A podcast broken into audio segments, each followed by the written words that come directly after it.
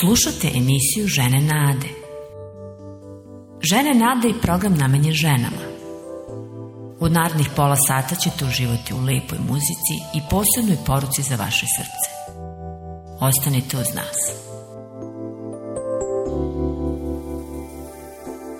Znate, kada je moja čerka Una bila još mala, imala je jednu tipičnu naviku. Sisala je palac. To je radila kada je htela da se smiri i uvek pred spavanje – Takođe bi sebi pravila čvoriće u kosi. Da li ste ti i suprug pokušali da je odviknete od toga? Šta ste radili? Uh, pokušali smo mnogo toga. Naravno, prvo smo probali pričom. Rekli smo joj da to nije dobro za zube, da ih tako krivi. Onda smo joj govorili kako na njenom palcu uvek ima klica i bacila, pa bi mogla da se razboli ako joj dospeju u stomak. Jednom sam čak pokušala da ju nasapunjam palac. Otac bi je disciplinovao kada bi je zaticao s palcem u ustima. Ali znate kako je, deca su deca. Majstori su u prikrivanju stvari. Zato je ključ dobrog roditeljstva u razvijanju zdravih navika. I kako ste se izborili sa tim? Iskreno, teško. Nismo baš bili uspešni. Una je prosto volela da sisa palac. Znala je da to ne odobravamo, ali kako je rasla, sve je polako dolazilo na svoje. Takođe je imala neku malu plišanu igračkicu koju je uvek nosila sa sobom.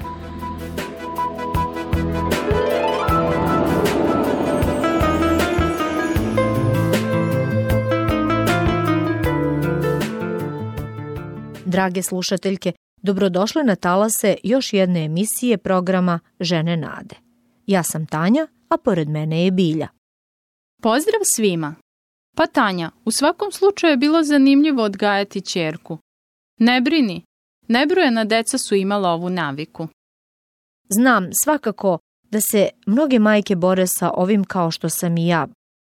Zato u ovoj emisiji govorimo o tome kako da kao majke pomognemo deci u slamanju loših navika. Dakle, tri stvari mi u životu čine posebnu radost. Prvo, moj odnos sa Bogom. Drugo je odnos sa mužem a treće sa našom decom koju toliko volim. Deca su mi vesele i srce mi ispunjavaju toplinom, ali i postoje neke navike kod njih koje me ljute i uznemiravaju. Drage naše žene nade, ako ste majke ili se na neki način brinete o deci, onda svakako znate o čemu sada pričamo, zar ne? Neke loše navike kod dece nas baš užasavaju i htele bismo da ih se odmah reše čačkanje nosa sve vreme, grickanje noktiju i žvakanje zemlje. Sve ovo nimalo nije zdravo po njih i obilo je bacilima i bakterijama koje mogu i da im donesu obolenja. Dobro, kako onda možemo konkretno da pomognemo deci da se reše loših stvari? Za rešavanje loših navika najbolje je decu da zanimamo nečim drugim. Dajmo im neke zadatke, igre bojanja, pravljenja nečeg. Deca vole da rade poslove odraslih, pa rado pomažu oko sudova. Makar posle njih ponovo prale tanjire. Ali najbezbednije je da ih uposlimo bezbrojnim igrama. Šta sa još nekim lošim navikama? Za većinu roditelja jedna od takvih stvari, a sa kojom se teško nose, jeste laganje. Većina dece u ranim godinama prolazi ovu fazu. Recimo, Umazani su dušiju čokoladom, ali vam uporno govore kako je nisu jeli. Ma, ni grisnuli. I ovo je baš sjajno vreme da im pokažemo ljubav suočavajući ih se istinom. Bez ljutnje ih lagano podignimo do ogledala da se vide. Recite im da znate da su jeli, da moraju uvek govoriti istinu. Onda ih ponovo pitajte da li su jeli čokoladu. Ako priznaju, zagrlite ih i poljubite i naglasite da su sada uradili jednu važnu i dobru stvar. Neka deca jedu krede, bojice. Zato je važno da uvek biramo one neotrovne jer u slučaju da im nešto od tih materija dospe u želudac, neće im nauditi. Ipak, dobro je da uvek napominjemo našim mališanima da se bojice ne stavljaju u usta. Znate, Kada je čerka moje prijateljice bila mala, pa sve do druge godine volela je da trlja glavu o krevet. Zbog toga joj je i kosica opadala sa strane, pa su neki mislili da je to način na koji je šiša. Vreme je učinilo svoje, pa je prestala sa tim u trećoj godini. Sada joj je skoro 16 ima prelepu dugu kosu. Dakle, dobro je što deca prerastaju sebe i svoje loše navike. Ima li još nekih navika koje su baš opasne za decu? Sasvim mala deca ponekad udaraju glavom o krevetić. To im je zabavno, ali svakako nije poželjna navika. Dobro je i sa lekarom na kontrolama razgovarati o tome, ali u svakom slučaju obložite površine i ivice o koje bi deca mogla da se povrede. Da, jako jednostavno i delotvorno. A šta je sa onom dosadnom navikom kada deca dođu u zašto fazu? Kada mogu da nam ovo pitanje postavljaju u beskraj na svaki naš odgovor. Nema kutka na planeti gde roditelji i deca ne prolaze ovu igrariju. Recimo, kažemo našem čedu da pokupi igračke, a ono odmah pita zašto. Vi kažete da se ne bi gazile, da se ono samo ne bi spotaklo preko njih, a ono opet pita zašto, Vi nastavljate da je već vreme za krevet, a ono pita pogađate. Zašto? Zato što ti je potreban odmor, a ono i tako u nedogled. I koliko god je to bilo iritirajuće, to je prilika da dete uči. Pa ne pitamo li se i mi zašto je nešto takvo kakvo je? Zašto sunce izlazi svakog jutra? Koje od nas još nije gledalo u zvezdano nebo pitajući se o stvoritelju? Važno je da deci odgovorimo na njihovo zašto, i to tako da ih poučimo. Ali kada osetimo da je to ono već vragolasto zašto, skrenimo im pažnju. Ja sam moju gulicala do suza, cmakala, pa bi jako brzo prestalo sve to beskreno zapitkivanje. Sjajan savet. Preokrenimo dečje zašto u najbolje prilike za učenje. Idemo dalje. Deca su poznata i po navici neobuzdanih izliva besa. Uh, Ova navika nam je kao roditeljima jako teško pala i teško se nosimo sa njom.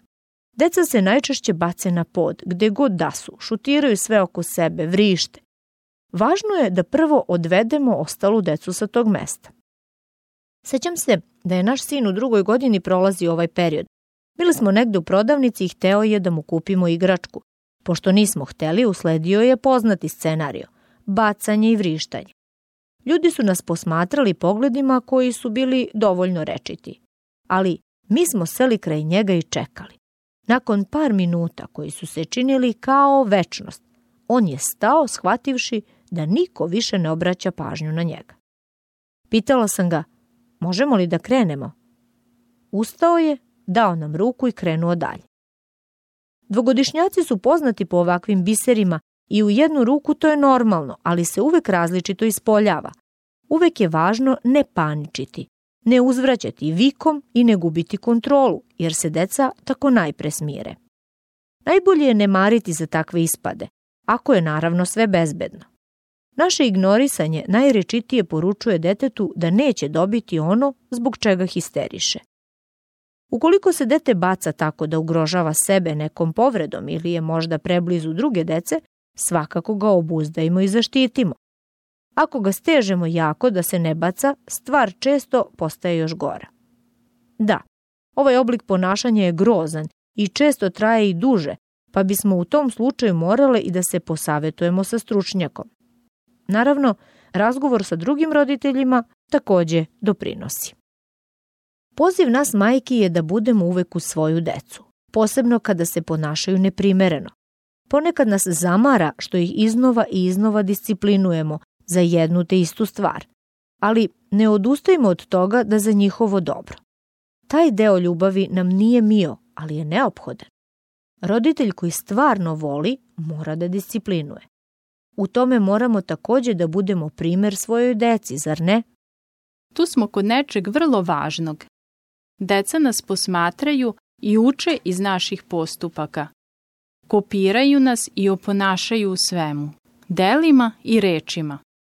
Ako vičemo, ako bacamo stvari oko sebe u besu, samo posmatrajte svoje mališane. Neizrecivo je važno da dok podižemo decu vladamo sobom. Ne dopustimo sebi ispade. Ako želimo da nas deca ne lažu, ne lažimo ni mi njih. Ako želimo da raspremaju sobu, Pokažimo im bez reči primerom kako se to radi. Mislim da nam je u ovoj fazi razvoja dece potrebna i zdrava doza humora, posebno kada su deca istrajno nemoguća. Baš tako. Dvogodišnjaci su neverovatni dok ruše i prljaju sve oko sebe. Haos prave. Moji klinci su voljeli da na pod izvrnu sve moguće igračke koje su imali. Posebno su voleli da mi uđu u kuhinju, pootvaraju sve delove i izvuku sve sudove, šerpe i tiganje na pod. Jednom prilikom naša čerkica tako otvorila frižider i za tili čas pola stvari iz njega svalila na pod. Drage moje, joj, kakav je to užas bio. Kada sam to ispričala prijateljici, rekla mi je, dušo, samo se nasmej i reci sebi da će i to brzo proći. I to je toj mojoj prijateljici stvarno bila životna parola. Proći će. Naravno, mislila je na loše stvari, posebno na loše navike u odrastanju dece. Ona prerastaju sebe i uče se odraslosti. I stvarno, te rane godine najbrže prođu i kada se setim svih onih stvari o kojima ovde pričamo, više ne osjećam ljutnju. Šta više fali mi sve to. Fali mi onaj toput bosih stopala po kući. Fali mi ono beskonačno zašto, zašto, zašto. Fali mi da odvali mali nožni prsto neki tiganj od tuča ostavljen na podu. Nedostaje mi onaj čarobni miris tek oprane bebeće kosice i ulepljeni prstići koji mi petljaju po kosi. Da, sve te godine su prošle i sada znam da su prošle prebrzo. Deca su neprocenjivo blago. Bog nam ih je darovao da se brinemo o njima, da ih volimo, podižemo, učimo odgovornosti, časti i brizi za druge. Zato, drage moje žene nade, uživajte u tom periodu. Smejte se svim tim ludorijama, skačite sa njima po baricama, gazite po slagalicama i tvrdim igračkama bez krivice i opore reči. Grlite ih i uzvratit će vam grljenjem. Neka vas Bog blagoslovi ljubavlju i mudrošću, kako biste podigli svoju decu. Neka vam domom odzvanjaju smeh i radost. I nikada, nikada ne zaboravljajte da svakodnevno grlite decu. Time i njima i sebi kazujete da su vam dar od Boga.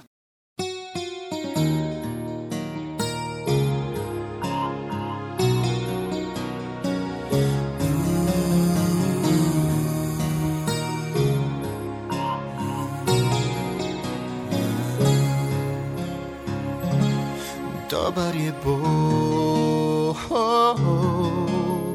A ja okliznu se osjeti Bog Drugima ja zavidje Dok oholost Iz srca njima izvire A kao kaznu za to ne snose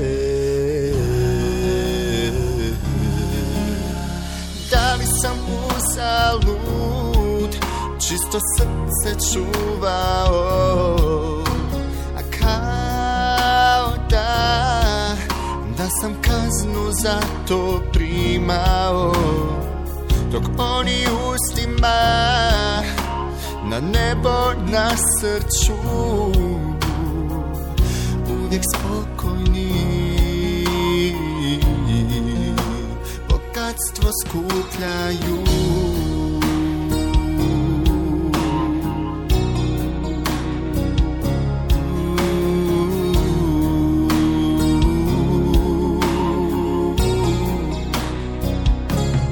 Dobar je Bog, a ja vkliznu se.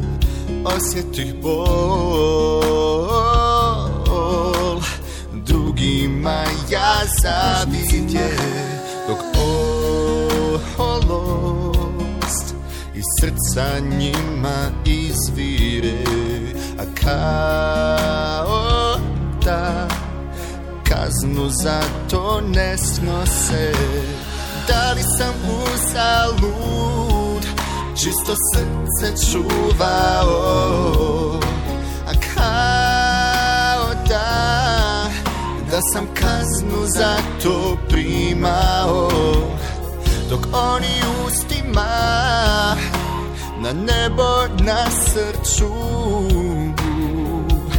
Uvijek spokojni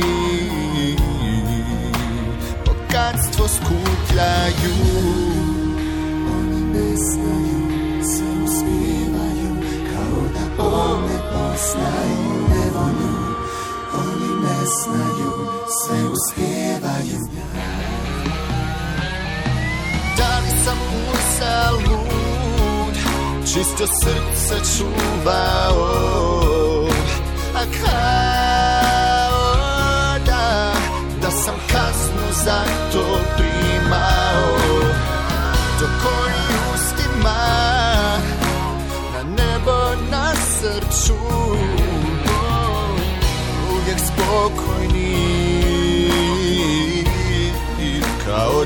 bol ne poznaju Uvijek spokojni Kao da bol ne poznaju Većina loših dečjih navika su bezazlene.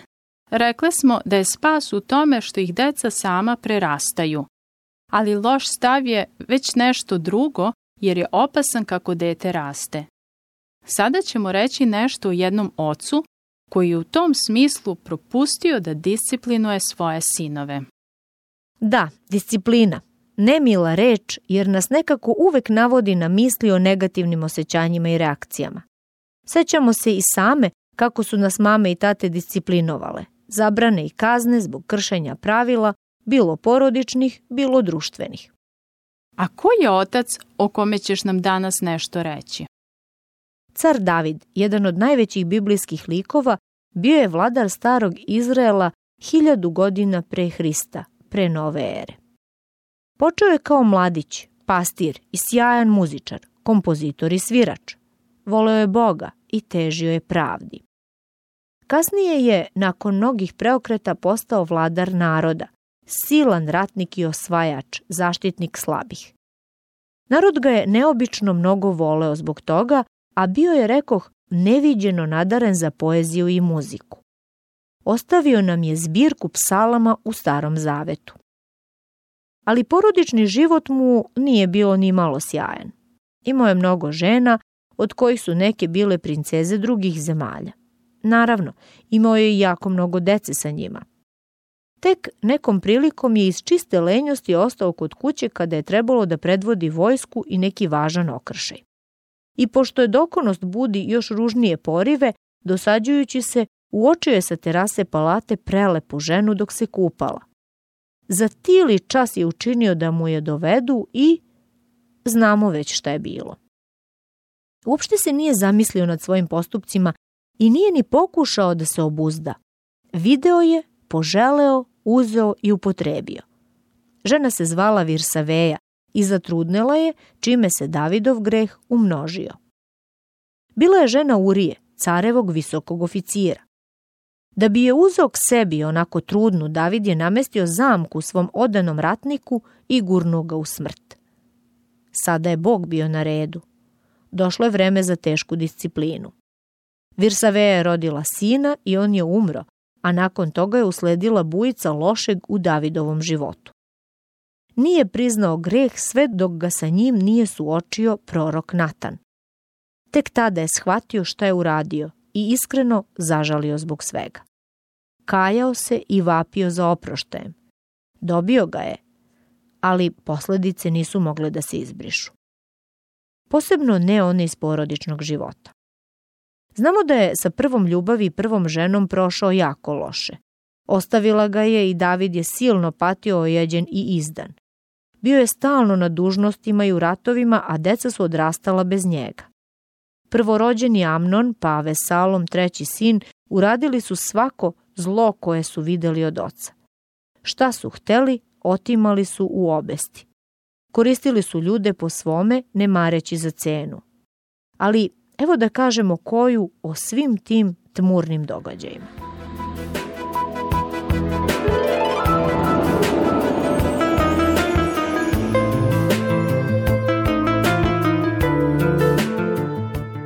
Amnon je bio bezumno opčinjen Tamarom. Pošto je znao da ne može da je ima, bio je na ivici paranoje. Prijatelji, slični njemu, su mu rekli da se pravi bolestan i od oca zatraži da ga Tamara neguje.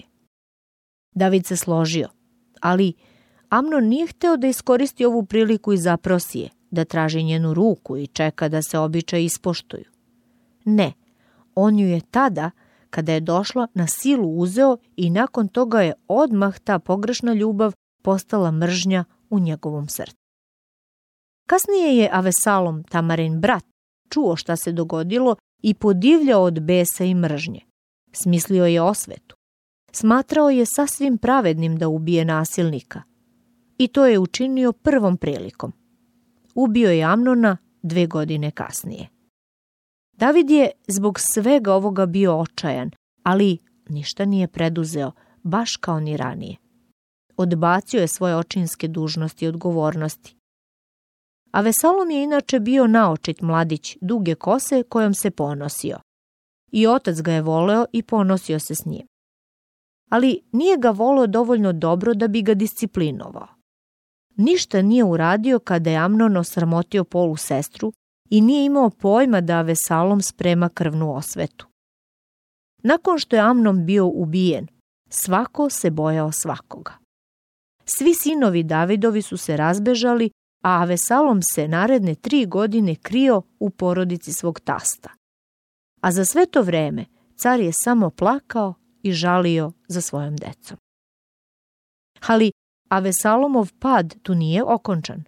Nakon još dve godine počeo je sa zavereničkim planovima. Hteo je tron i pre očeve smrti. Planirao je u potaji i strpljivo. Davidu su to dojavili, pa je brže bolje jedva utekao iz Jerusalima s glavom na ramenima. A Vesalom je tužno završio. Prevrat nije uspeo, pa je bežao od osvetnika. Ali u galopu, dok je prolazio šumom, ona divna duga kosa mu se uplela u granje, pa je ostao tako da visi kao zver u zamci. Ubrzo su ga sa tri koplja ubili Davidovi generali, dok je onako bedno visio. A David je i zbog toga neutešno žalio. Otvori mi oči,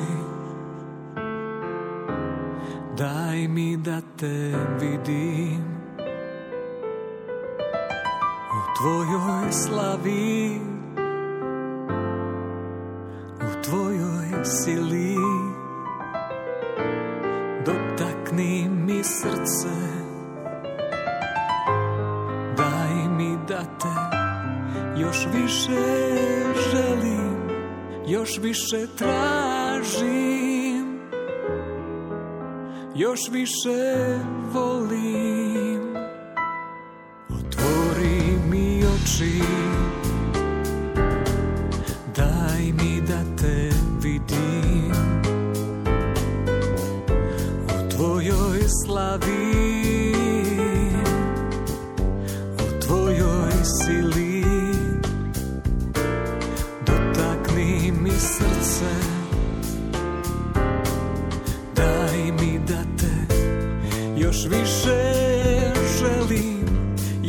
više tražim Još više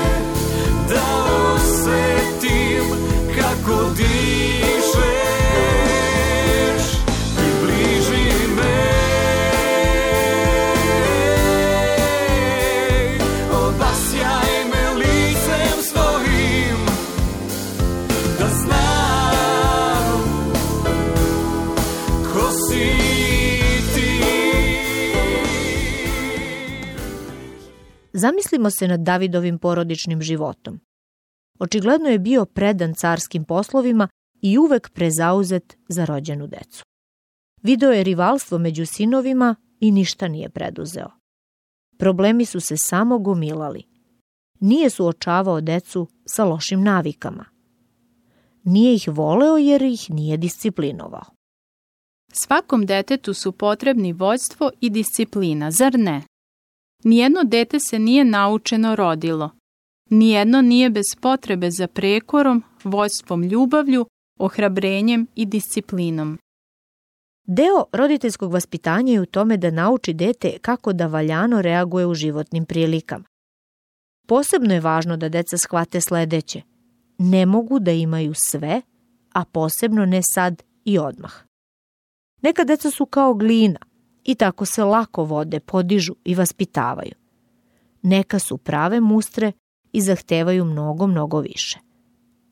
Poput Davida, i Amnon i Avesalom su hteli svojim putem. Odlučili su tako i uradili po svome. Ali David je shvatio svoje zlo, priznao je to Bogu, pokajao se i dobio oproštenje. Bog mu je rado oprostio. Posledice ostaju, posebno ako je disciplina propuštena.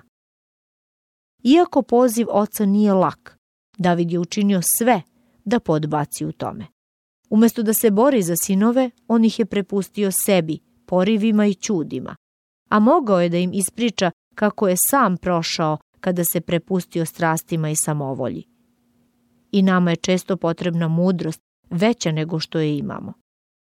Znate li koja je ovde dobra vest? Čujte je iz pera Jakova.